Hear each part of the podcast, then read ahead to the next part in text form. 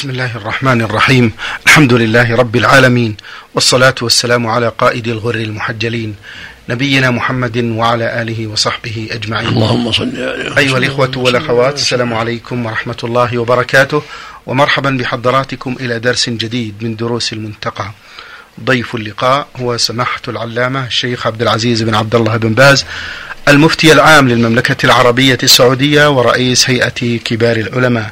مع مطلع هذا اللقاء نرحب بسماحة الشيخ فأهلا ومرحبا سماحة الشيخ. حياكم الله وبارك فيك. سماحة الشيخ قبل أن ندخل في باب أمر الصبي بالصلاة تمريرا لا وجوبا بقي أسئلة على باب حجة من لم يكفر تارك الصلاة. فأقول في الأحاديث السابقة دلت على أن أول ما يحاسب به العبد يوم القيامة الصلاة. وفي حديث آخر أول ما يقضى بين الناس في الدماء ما الجمع بين ذلك مأجورين؟ بسم الله الرحمن الرحيم. الحمد لله وصلى الله وسلم على رسول الله وعلى آله وأصحابه من اهتدى بهداه. أما بعد فأول ما يحاسب عن العبد الصلاة. فيما بينه وبين ربه. أما فيما بينه وبين الناس فأول ما يقضى بين الناس في الدماء. بين الناس بين خصومات الناس فيما بينهم أول ما يقضى بينهم في الدماء. أما فيما يتعلق بعمله نفسه فأول شيء يحاسب عنه هو الصلاة لأنها عمود الإسلام وأعظم الفرائض بعد الشهادتين نعم. سماحة الشيخ ما هي ثمار صلاة التطوع؟ صلاة التطوع يكمل بها الفرض مثل ما قال النبي صلى الله عليه وسلم. التطوع يكمل بها فرض المؤمن. وما قد يأتيه من نقص مع زيادة الحسنات. فالتطوع يعطى به المؤمن مزيدا من الحسنات مع جبر النقص الذي قد يقع في التطوع. نعم. سماحة الشيخ حفظكم الله أخيرا أقول من يصلي أحيانا ويترك أحيانا هل يكفر؟ هذه المسألة مسألة خلاف كما تقدم والصواب أنه يكفر. إذا ترك الصلاة مرة ترك يصلي وترك لا يصلي. يكفر. وذهب جمع من أهل العلم إلى انه لا يكفر إلا إذا جحد وجوبها وإلا يكون كفره كفر أصغر كفر دون كفر. والأرجح أنه كفر أكبر إذا كان تارة يصلي وتارة لا يصلي لأنها عمود الإسلام. وقد صح فيها عن النبي صلى الله عليه وسلم قال بين الرجل وبين الكفر والشرك ترك الصلاة. وقال فيها صلى الله عليه وسلم رأس الأمر الإسلام وعموده الصلاة. وقال فيها صلى الله عليه وسلم العهد الذي بيننا وبينهم الصلاة فمن تركها فقد كفر. نعم. قال المؤلف رحمه الله تعالى باب أمر الصبي بالصلاة تمرينا لا وجوبا.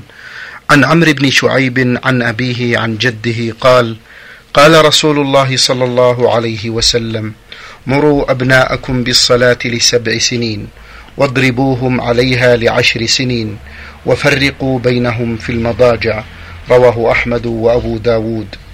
وعن عائشة رضي الله عنها عن النبي صلى الله عليه وسلم قال رفع القلم عن ثلاثة عن النائم حتى يستيقظ وعن الصبي حتى يحتلم وعن المجنون حتى يعقل رواه أحمد.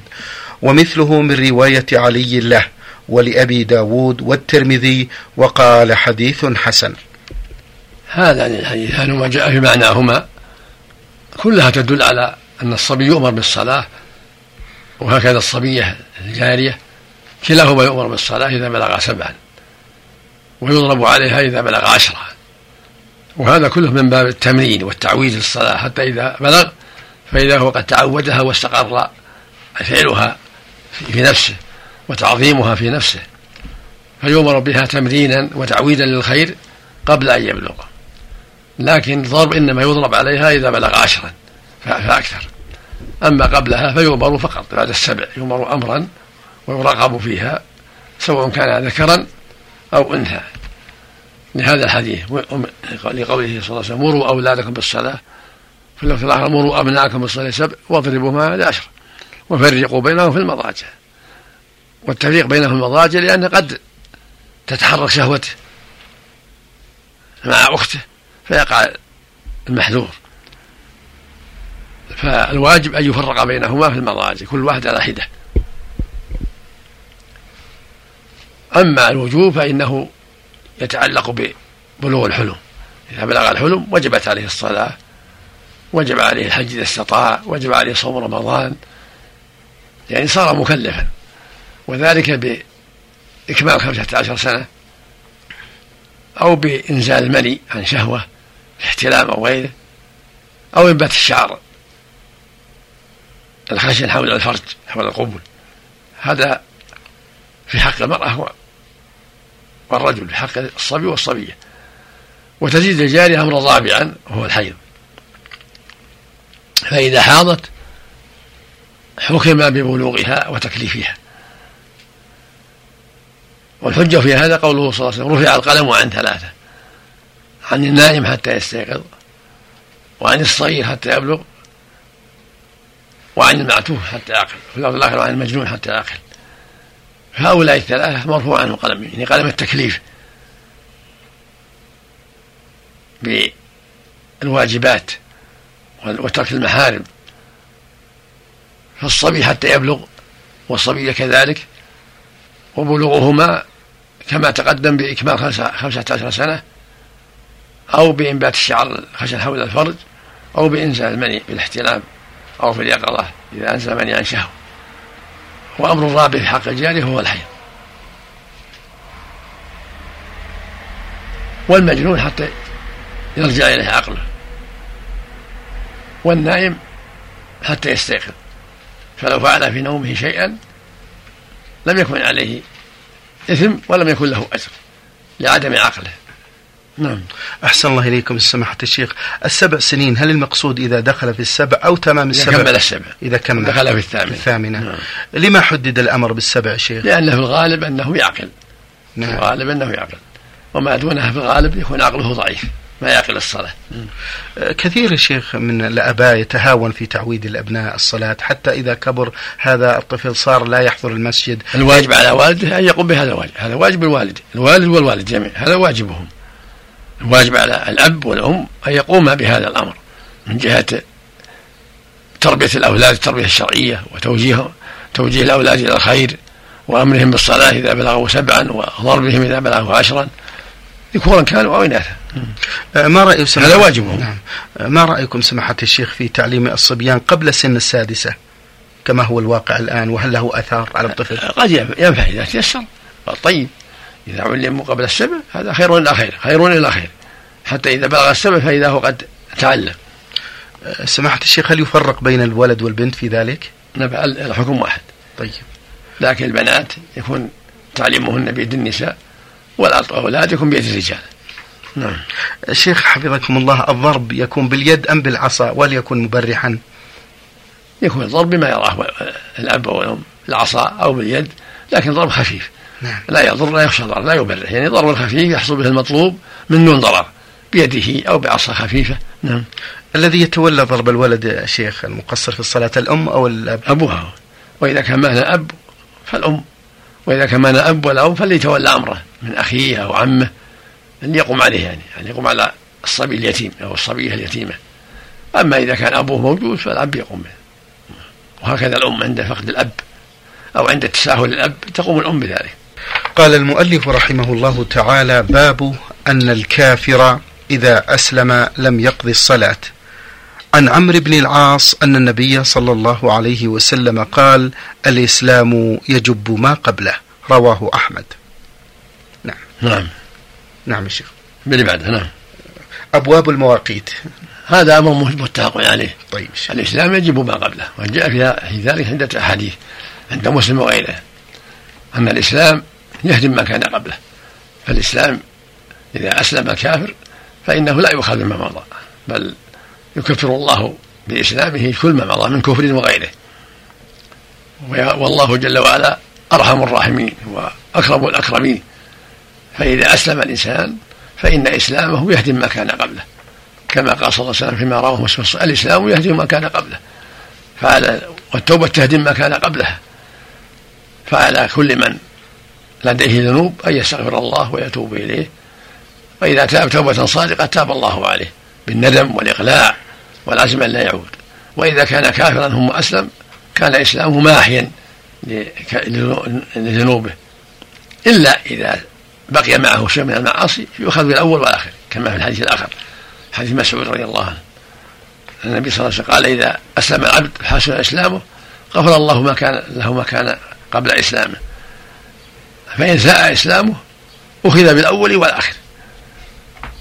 فإذا كان مثلا يتعاطى الخمر في كفره ثم أسلم وبقي على الخمر فإنه يؤخذ بالخمر.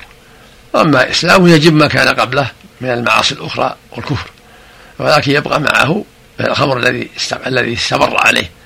وهكذا لو أسلم وكان عاقا لوالديه واستمر على عقول والديه أخذ بالأول والآخر كما في الحديث. أما من تاب وأسلم من كل شيء فالله جل وعلا يغفر له كل شيء. سبحانه وتعالى. سبحانه وتعالى. قال تعالى قل للذين كفروا إن ينتهوا يغفر لهم ما قد سلف. هذا فضله سبحانه وتعالى. نعم. أحسن الله إليكم. الحقيقة سماحة الشيخ في الحديث السابق بقي مجموعة من الأسئلة عن حديث عائشة رفع القلم عن ثلاثة وهو ما هو القلم يا شيخ؟ قلم التكليف يعني. نعم. قلم التكليف. بالنسبة للمرأة التي تنام على طفلها ثم يموت هل تؤاخذ على ذلك شيخ؟ ما, ما, ما عليها إثم لكن عليها الكفارة يعني يعتبر قتل خطأ. نعم. عليها الكفارة لأن هذا من قتل الخطأ لو نمت عليه حتى مات أو رجفته برجلها وهي نائمة حتى مات بذلك أو مات غيره من أطفال غيرها يكون من قتل الخطأ عليها الدية والكفارة الكفارة والدية على العاقلة لقوله جل وعلا من من خطأ فتح رقابة مؤمنة ودية مسلمة إلى أهله. قتل الخطأ يستوي فيه الرجال والنساء والنائم وغيره نعم. سماحة الشيخ بالنسبة أيضا للمجنون إذا أفاق بعض الأوقات هل يكلف بقضاء الصلوات التي تركها في حال الجنون؟ لا حال الجنون لا يكلف بالصلاة في حال عقله. فإذا كان يوم يعاقل يوم مو بعاقل اليوم اللي هو في عاقل يكلف بالأعمال. في يومه لكن في يومه الذي هو عاقل فيه من الصلاة وغيرها. والأيام اللي يذهب فيها عقله لا, لا تكليف عليه. وبالنسبة للمغمى عليه يقاس على المجنون في عدم المطالبة في الفرائض؟ المغمى عليه في تفصيل. نعم. بعض أهل يرى أن كالمجنون مطلقا وأنه إذا خرج الوقت وهو مغنى عليه لا شيء عليه. وبعض أهل العلم يرى أنه يقضي اليوم كله. إذا أفاق بعد يوم فقط يقضي.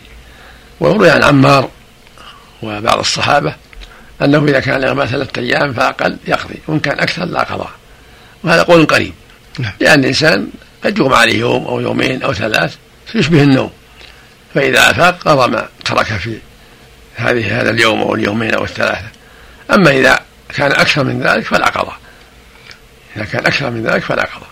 لأنه حينئذ بعد عن مشابهة النوم. صار أشبه بالمجانين وزائل العقل أحسن الله إليكم يا شيخ. بالنسبة لسماحة الشيخ للشخص الذي أخذ بنج آه البنج يذهب العقل ما الذي يجب عليه بعدما يصحو؟ هذا فيه التفصيل نعم يا شيخ. إن كان ما درى ولا يعلم ما عليه شيء. أما إن كان يعلم عليه التوبة إلى الله من ذلك. لا يتعاطى شيء يأخذ يذهب بعقله. أما إذا كان ما يعلم وإنما أخذ على أنه دواء ثم أصابه ما أصابه فالله جل وعلا لا يكلف نفسا إلا وسعها. ما يأخذ بما وقع خطأ. نعم. أخيرا الصغير غير المكلف آه، لكن ما يفعله من حسنات هل يؤجر عليها يا شيخ؟ لا الصغير يؤجر. تطوعاته لا الحمد لله مثل ما قال صلى الله عليه وسلم من المرأة حرات عليه طفلة قالت يا رسول الله ألي هذا حج؟ قال نعم ولك أجر. لا حج. الأطفال يجرون على صلواتهم وعلى أعمالهم الطيبة قبل البلوغ. نعم. أحسن الله إليكم. قال المؤلف رحمه الله تعالى أبواب المواقيت. باب وقت الظهر. عن جابر بن عبد الله أن النبي صلى الله عليه وسلم جاءه جبريل عليه السلام فقال له قم فصله. فصلى الظهر حين زالت الشمس ثم جاءه العصر فقال قم فصله. فصلى العصر حين صار ظل كل شيء مثله. ثم جاءه المغرب فقال قم فصله. فصلى المغرب حين وجبت الشمس ثم جاءه العشاء فقال قم فصله. فصلى العشاء حين غاب الشفق ثم جاءه الفجر فقال قم فصله. فصلى الفجر حين حين برق الفجر أو قال سطع الفجر ثم جاءه من الغد للظهر فقال قم فصله فصلى الظهر حين صار ظل كل شيء مثله.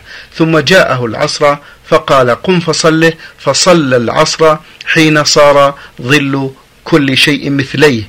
ثم جاءه المغرب وقتا واحدا لم لم يزل عنه.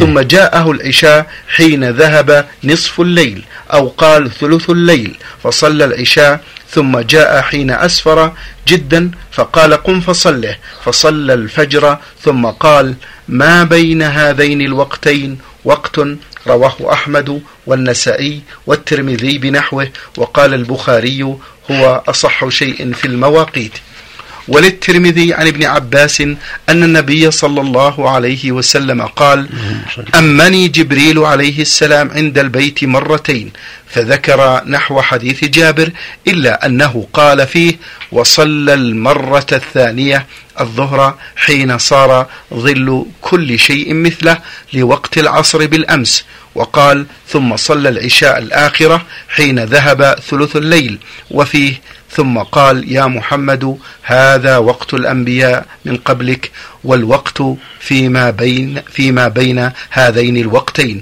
قال الترمذي هذا حديث حسن.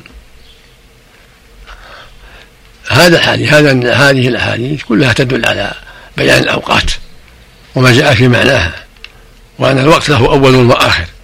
والله جل وعلا أمر جبرائيل أن يؤم النبي صلى الله عليه وسلم في أول وقته وآخره. وبين له أن الصلاة تفعل في أول وقت وفي آخره وما بين الوقتين.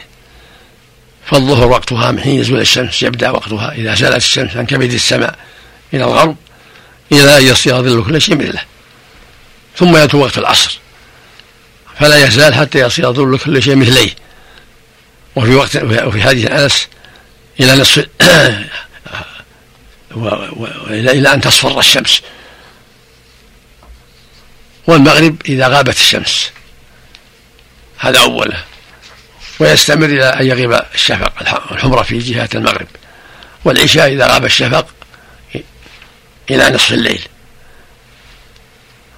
والفجر عند طلوع الفجر ما لم تطلع الشمس. والسنة كما استقرت السنة من النبي صلى الله عليه وسلم التبكير بالوقت. التبكير بالصلاة في أول وقت. هذا هو هو الأفضل. ولو صلاها في آخر الوقت فلا حرج. لكن الأفضل كما كان النبي يفعل هو التبكير بالصلوات في أول وقتها. كما في الحديث لما أي العمل أفضل قال الصلاة في أول وقتها.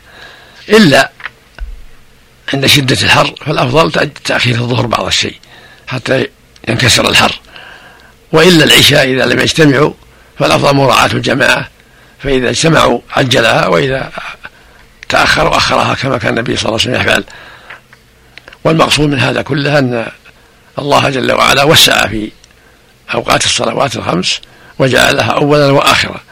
فما بين الوقتين وقت ولكن الأفضل فيها كلها الصلاة في أول الوقت إذا تيسر ذلك.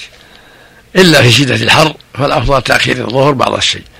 وإلا العشاء فإن الأفضل تأخيرها إذا لم يجتمعوا فإن اجتمعوا عجلها الإمام.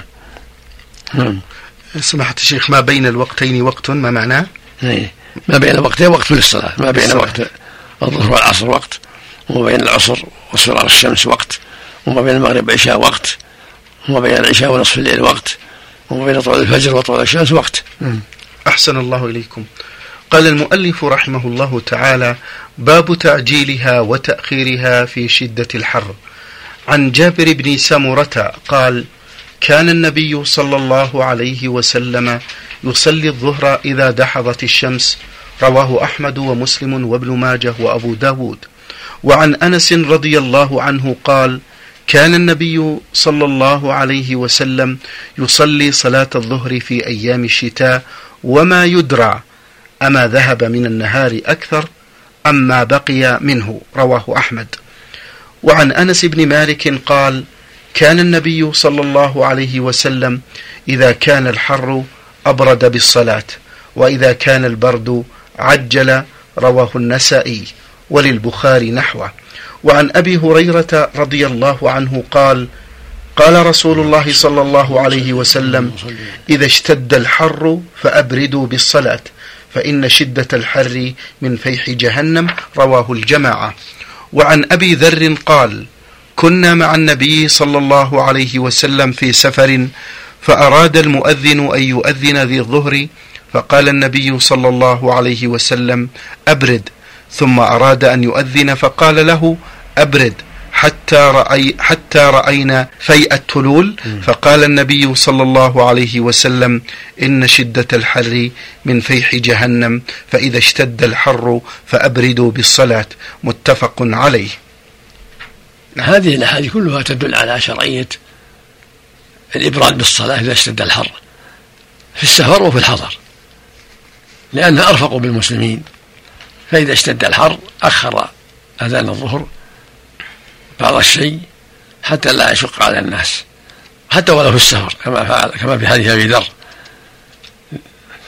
لأن الرسول قال إذا اشتد الحر فأبروا بالصلاة فإن شدة الحر من فيح جهنم. أما إذا كان الجو مناسبا في الشتاء أو في ما بين الشتاء والصيف فإن الأفضل المبادرة والمسارعة بالصلاة في أول وقتها. لكن إذا اشتد الحر فإن الأفضل تأخير الظهر بعض الشيء حتى ينكسر الحر وحتى توجد يوجد الظل والفيء رفقا بالناس ورحمة لهم. والله جل وعلا شرع دينه لعباده وجعل الحرج منفيا عنه. وما جعل في الدين حرج وقال سبحانه يريد الله بكم اليسر.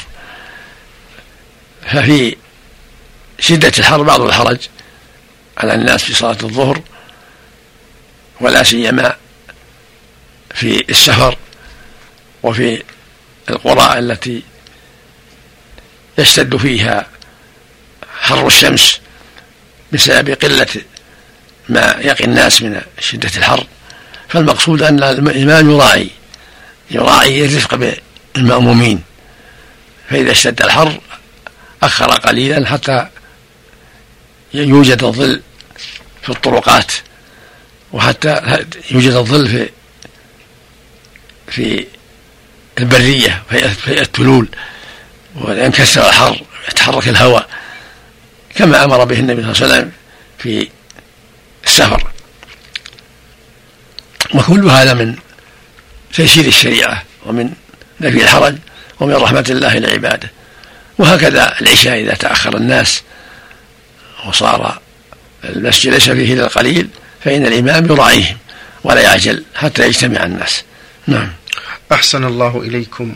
قال المؤلف رحمه الله تعالى باب أول وقت العصر وآخره في الاختيار والضرورة.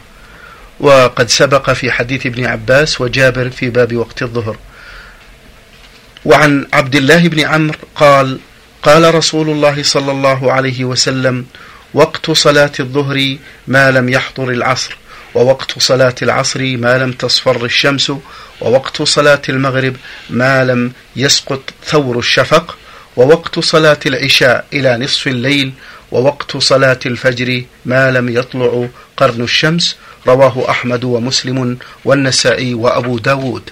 وفي رواية لمسلم ووقت الفجر ما لم يطلع قرن الشمس الأول وفيه ووقت العصر ما لم تصفر الشمس ويسقط قرنها الأول وعن أنس قال سمعت رسول الله صلى الله عليه وسلم نعم. وعن أنس قال سمعت رسول الله صلى الله عليه وسلم يقول تلك صلاة المنافق يجلس يرقب الشمس حتى إذا كانت بين قرني شيطان قام فنقرها أربعا لا يذكر الله فيها إلا قليلا.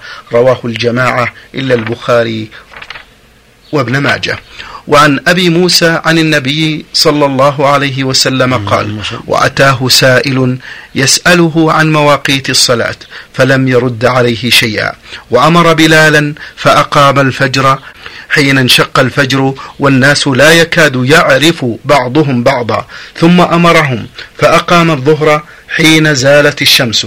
والقائل يقول انتصف النهار أولم وكان أعلم وكان أعلم منهم. ثم أمره فأقام العصر والشمس مرتفعة. ثم أمره فأقام المغرب حين وقبت الشمس. ثم أمره فأقام العشاء حين غاب الشفق.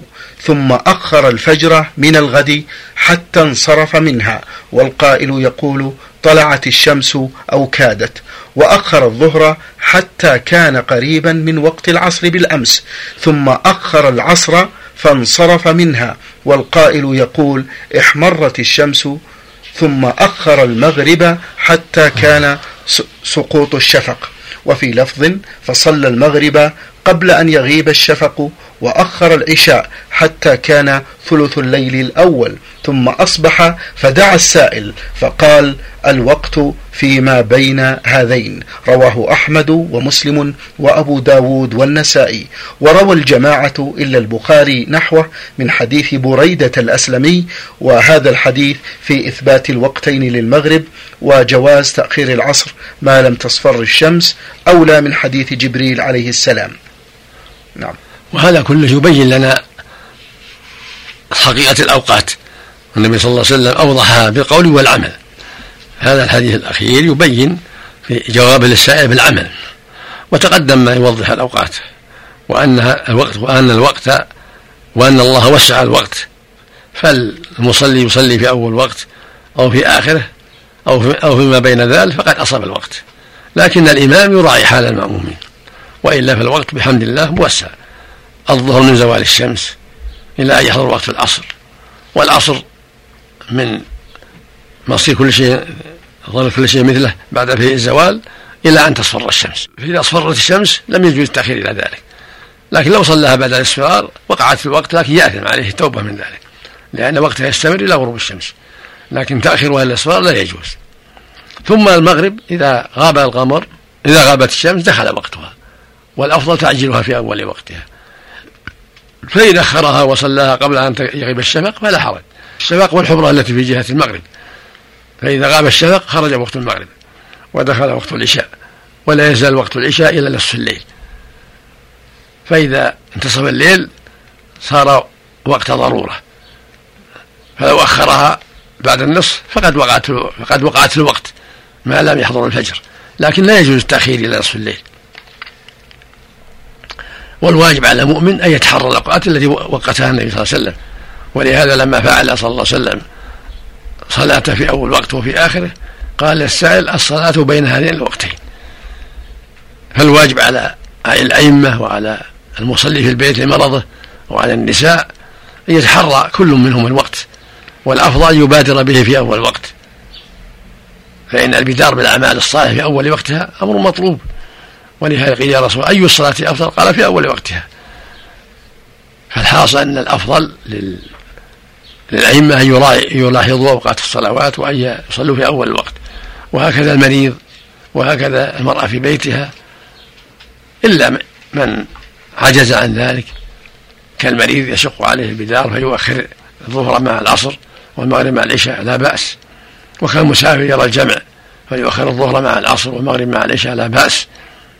وإلا فالسنة والمشروع البدار بالصلاة في أول وقتها. إلا في شدة الحر فيؤخر الظهر حتى ينكسر الحر. وإلا إذا لم يجتمع المأمومون في صلاة العشاء فإن الرسول كان يلاحظهم ويراعيهم إذا اجتمعوا عجلها وإذا أخروا أخرها عليه الصلاة والسلام. نعم. شكر الله لكم سماحة الشيخ وبارك الله فيكم وفي علمكم ونفع بكم الإسلام والمسلمين. أيها الإخوة والأخوات كان معنا في برنامج شرح كتاب المنتقى سماحة الشيخ عبد العزيز بن عبد الله بن باز المفتي العام للمملكة العربية السعودية ورئيس هيئة كبار العلماء. شكر الله لسماحة الشيخ على ما بين لنا. وفي الختام تقبلوا تحيات الزملاء من الإذاعة الخارجية فهد العثمان ومن هندسة الصوت سعد عبد العزيز خميس. والسلام عليكم ورحمة الله وبركاته.